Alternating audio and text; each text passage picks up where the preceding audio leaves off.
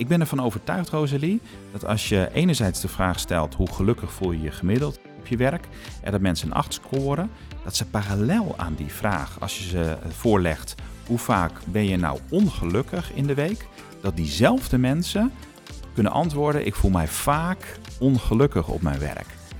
En dat is vreemd, want dan ben je zowel gelukkig op je werk als met regelmaat ongelukkig op je werk.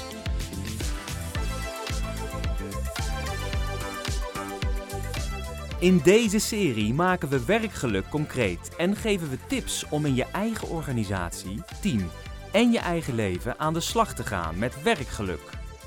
Van een groot wollig thema slaan we de brug naar concrete acties.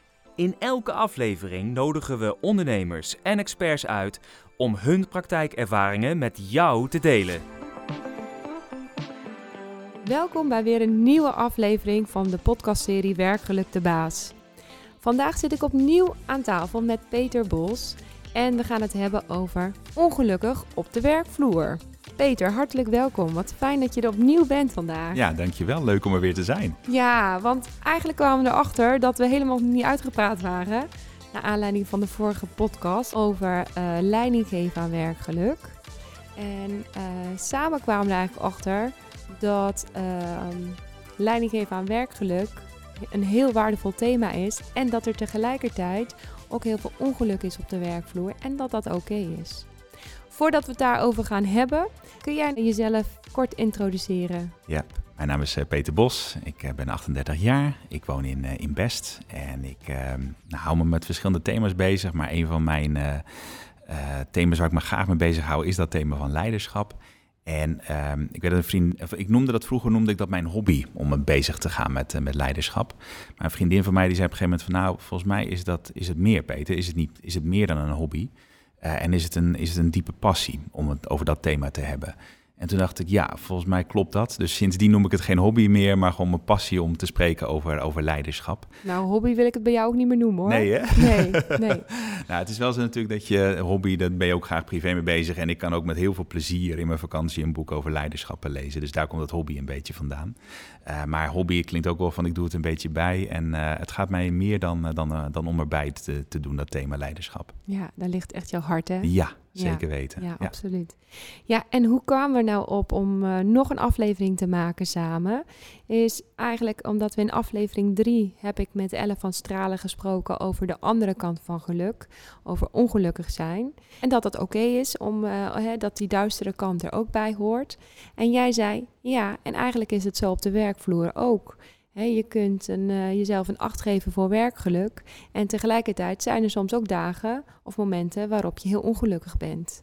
Kan je dat toelichten? Jazeker. Ja, misschien eerst nog even een stapje terug, uh, Rosalie. Want ik ben wel echt heel blij dat je in je podcast aandacht geeft aan die ongelukkige kant. Hè? Want voor je het weet, dan krijgt gelukkig zijn op de werkvloer zo'n uh, happy feeling. En uh, denken we aan ballonnen en chocola en weet ik het wat op de werkvloer. Mhm. Uh, maar juist die andere kant is heel erg belangrijk om te belichten. want dat kwam, vond ik heel mooi in die podcast langs. Ja, je, je, je, je weet pas wat je, je, je gelukkig te voelen als je ook dat ongelukkige gevoel kent. En die, Ja. die twee kanten die horen bij elkaar. Dus eh, eh, allereerst complimenten dat je daar ook eh, Dank je wel. aandacht voor wil, wil geven. Ja. Dankjewel. Eh, en terug naar de, naar de werkvloer. Want ik denk inderdaad, je ongelukkig voelen, dat is een feit. Dat je dat je, je ongelukkig af en toe voelt op, op de werkvloer. En ik vraag me af, Rosalie, ik weet niet hoe jij dat ziet, maar ik vraag me af of we daar wel voldoende aandacht voor hebben. Ook voor die ongeluksfactoren. En ik vraag me ook af of we ze wel eens eh, eh, voldoende uitvragen, wat je, wat je ongelukkig maakt in het, in het werk. Ja, want als we eh, onderzoek dan doen naar werkgeluk in een organisatie, hè, dan gaan mensen een cijfer geven. Ik gebruik zelf altijd een vragenlijst ook. om, en, dan geven mensen een cijfer voor hoe, gelukkig ben ik of hoe werkgelukkig ben ik. Ehm, en als dat een ruime voldoende is, als een 8 is, dan is het check, mooi, hebben we voor elkaar. Ehm, jij vindt dan daar zijn we wat klaar, van. hè? Ja, en dan zijn we klaar. Ja, ja. ja. En daar vinden wij wat van, hè? Daar vinden wij wat van. Ja, en, en, en dat zie je gewoon veel te vaak gebeuren. Dat we dan tevreden zijn met die acht. En dan kunnen we over tot de orde van de dag. En, en ik denk dan eigenlijk, ja, maar dan begint het toch pas. Het begint toch pas bij, oké, maar we scoren een acht. ehm, zullen we eerst eens gaan begrijpen waarom er een 8 gescoord wordt. Dus wat zijn nou de factoren in onze club die maken dat mensen zich uh, scoren op een, op een 8? Want dat is heel mooi en dat is belangrijk om dat, uh, om dat goed te snappen. Ehm, wat ook daarbij belangrijk is, is om misschien wel die 8 ook een klein beetje te nuanceren. Uh, want als de ene helft van je medewerkers allemaal een 10 scoort en de andere helft scoort allemaal een 6, dan scoren we gemiddeld een 8. Maar er zijn toch wel heel wat mensen, eigenlijk de helft, die hebben een vrij matig cijfer op dat geluksniveau gescoord. Dus het is ook goed om daar eens in te duiken. Uh, maar ik denk dat er nog veel meer is dan, dan alleen maar te kijken naar die 8. We, we, hebben meer werk te doen nog. Ja, want een van de vragen die ik ook stel is: hè, wat is je huidige werkgelukcijfer?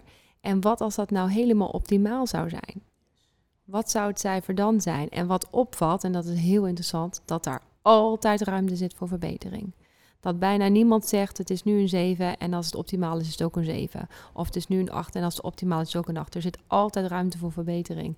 En dan wordt het interessant. Ja, zeker. Ja, dus, dus kan je ook, eh, ben je tevreden met die 8 of wil je naar, naar die 10 toe? Uh, en als daar ruimte zit voor verbetering, wat, wat voor kansen pakken we dan hè, om die verbetering ook uh, na te streven? En welke initiatieven moeten we daar dan, dan toe nemen? Dus dat vind ik een heel mooi punt wat je, wat je aankaart. En, en wat mij daarbij ook nog bij triggert is, um, je kan heel erg vragen naar geluk en geluksfactoren.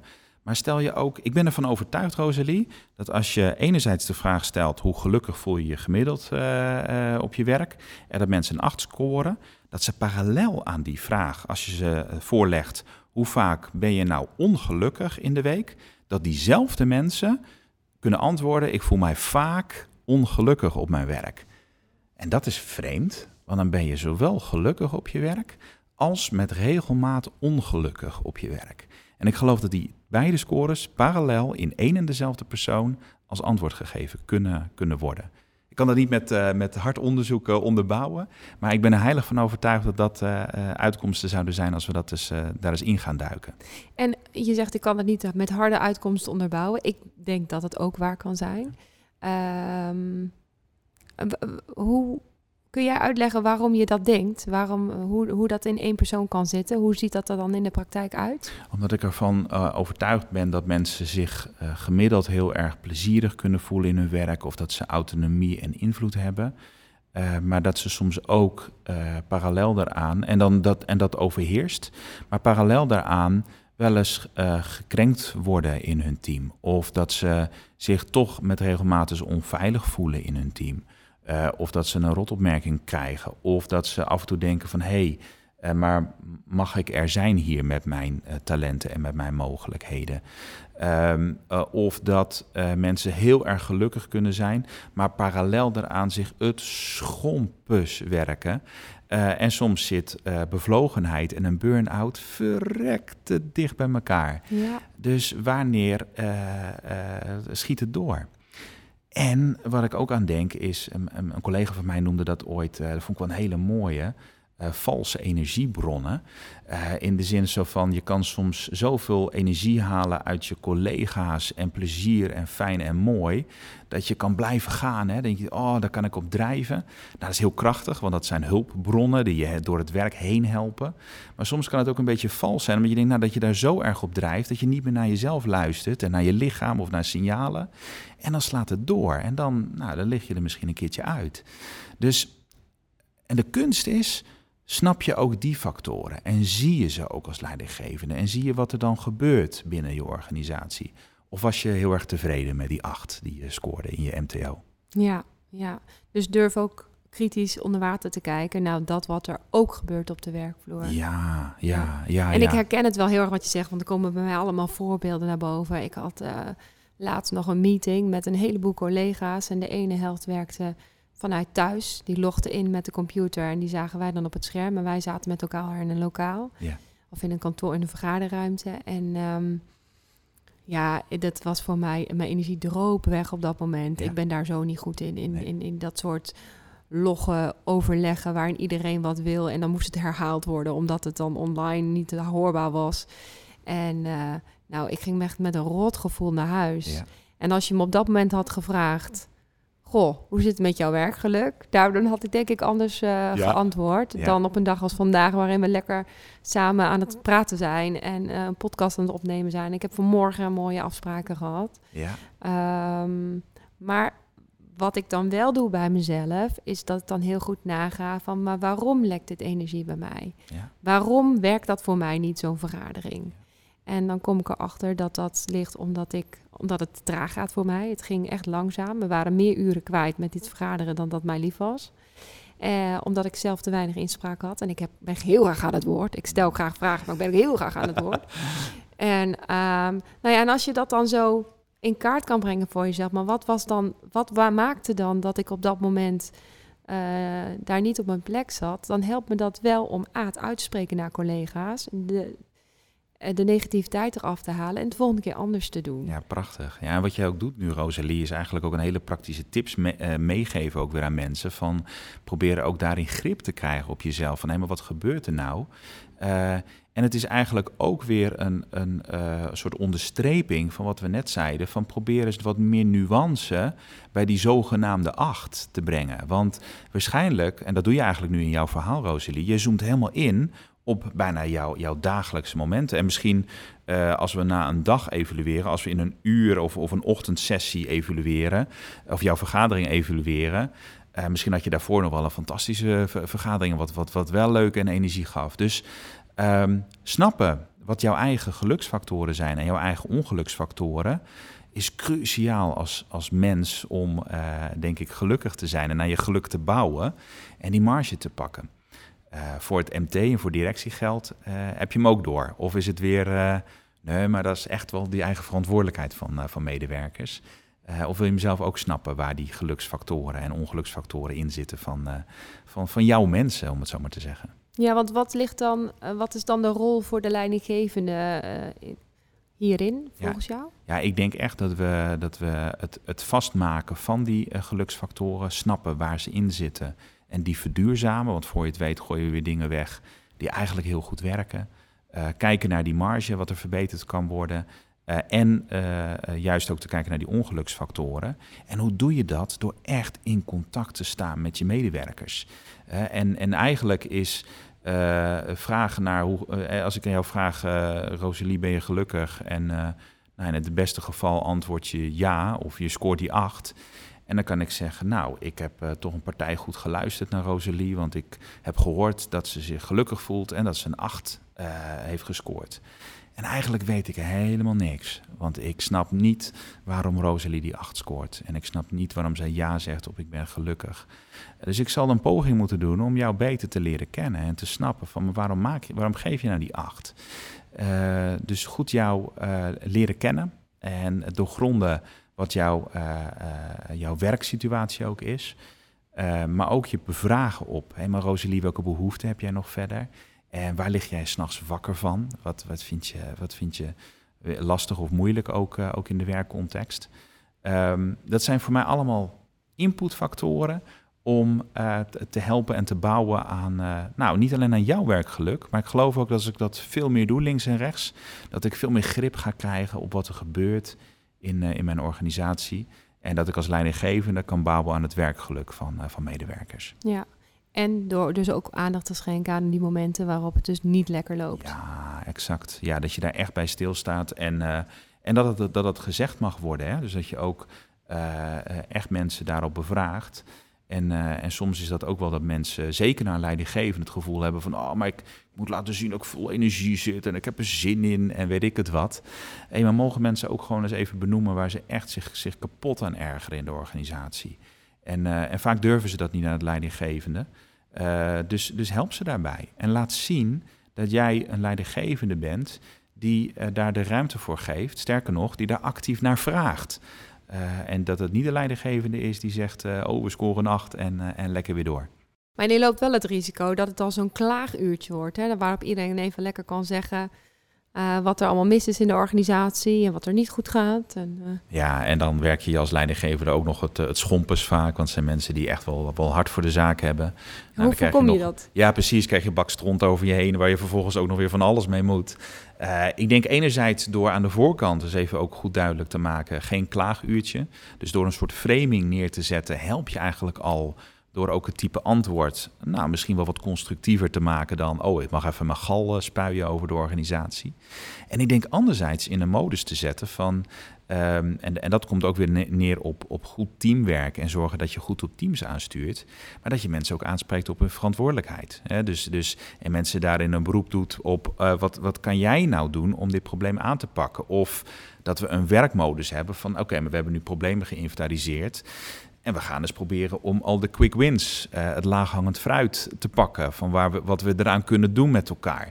Of we kunnen eens juist de andere kant op en een stip op een horizon zetten. Van hé, hey, maar als we dit probleem nou helemaal wegpoetsen, hoe ziet dan de situatie eruit? Dat vind ik ook een mooie methode. Ja. Hè, hoe zou de ideale wereld eruit zien? En vanuit daar terugwerken naar, oké, wat betekent dat voor het hier en nu? Ja, doen we veel te weinig volgens mij. Volgens mij is het veel te vaak uh, operationeel en wat zijn de quick wins die we kunnen pakken.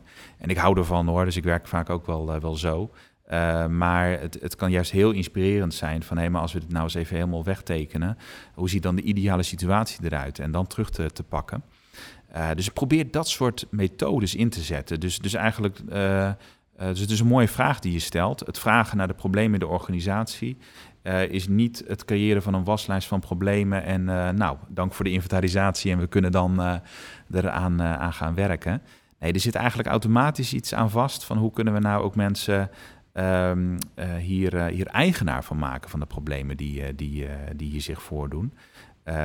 realiseer je wel ook als directie van wil, wil ik dat ook? Hè? Dus wil ik dat mensen er echt aan gaan werken? of vind ik dat vooral ook een verantwoordelijkheid van ons eigen MT? Um, want, want soms wordt er geen boter bij de vis uh, gedaan, zullen we maar zeggen. Oh ja, ja, ja.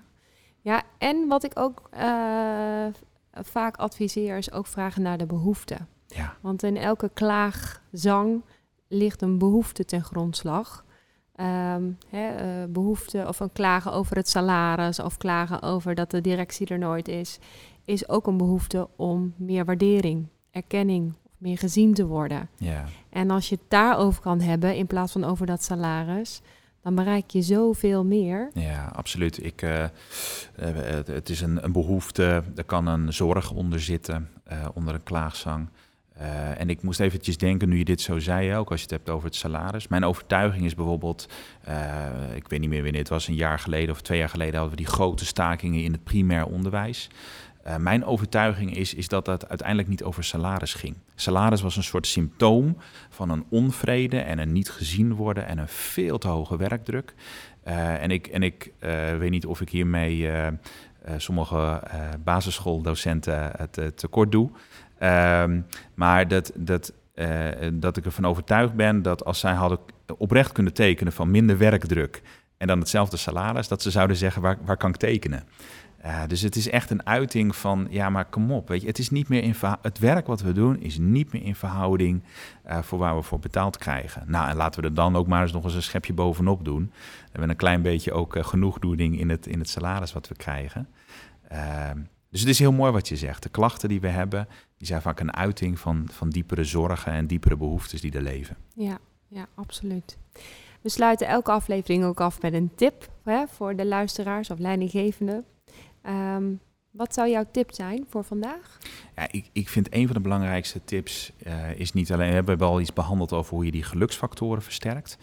Maar ik denk eigenlijk, vraag er eens naar dus vraag actief naar je medewerkers hoe vaak ze zich ongelukkig voelen. dus, dus overweeg eens om daar goede vragen over te stellen in je, in je MTO, eh, maar ook in, je, uh, in de gesprekken die je voert met medewerkers. En dan kan je, en, en als je zegt op de man af van ben je ongelukkig, dan kan dat ook zo hard overkomen. Maar je kan ook uh, alternatieve vragen stellen als hey, waar, waar lig je wakker van? Of waar heb je grote zorgen voor? Of als je één ding hebt waar je, wat jij zou willen veranderen in onze organisatie, wat zou dat dan zijn? Dus dat zijn een soort synonieme vragen voor uh, hetzelfde fenomeen waar we het over hebben, namelijk die factoren die leiden tot ongeluk. Uh, maar vraag daar actief naar, dat is heel belangrijk. En dat vereist ook lef. Ja. Absoluut. Heb Ja. je zin ook om dit te horen? Of denk je, nou, ik kijk er liever voor weg. Of ik heb hier eigenlijk helemaal geen zin in. Eh, dit is eh lef tonen als leidinggevende. Maar eh, voor, voor mij is dit wel ook leiderschap vertonen. Als je dit, eh, dit lef hebt om dat, eh, dat te durven vragen. Hartstikke mooi. Daarmee wil ik ook afsluiten. Heel erg fijn dat je er opnieuw was vandaag. En dat, je, dat we een mooi gesprek hebben kunnen hebben over eh, ongelukkig op de werkvloer. Heel graag gedaan. Leuk om eh, te zijn geweest weer, eh, Rosalie. Ja, dankjewel. Als mensen meer van jouw werk willen lezen, waar kunnen ze dat vinden? Ja, ik zou zeggen, kijk eventjes op www.talentmobiliseren.nl. Daar staan allerlei leuke filmpjes, artikelen, publicaties. Dus daar kan je van alles vinden. Oké, hartstikke goed. Gaan we zeker doen. Ehm, wil je nou ook nog meer horen van de podcast Werkgeluk de Baas? Abonneer je dan ook vooral, like en deel deze aflevering met iedereen. En vind je het leuk om ook een keertje bij mij aan tafel te zitten? Mail me dan ook naar werkgelukdebaas.fontes.nl Dankjewel voor het luisteren. Tot de volgende keer.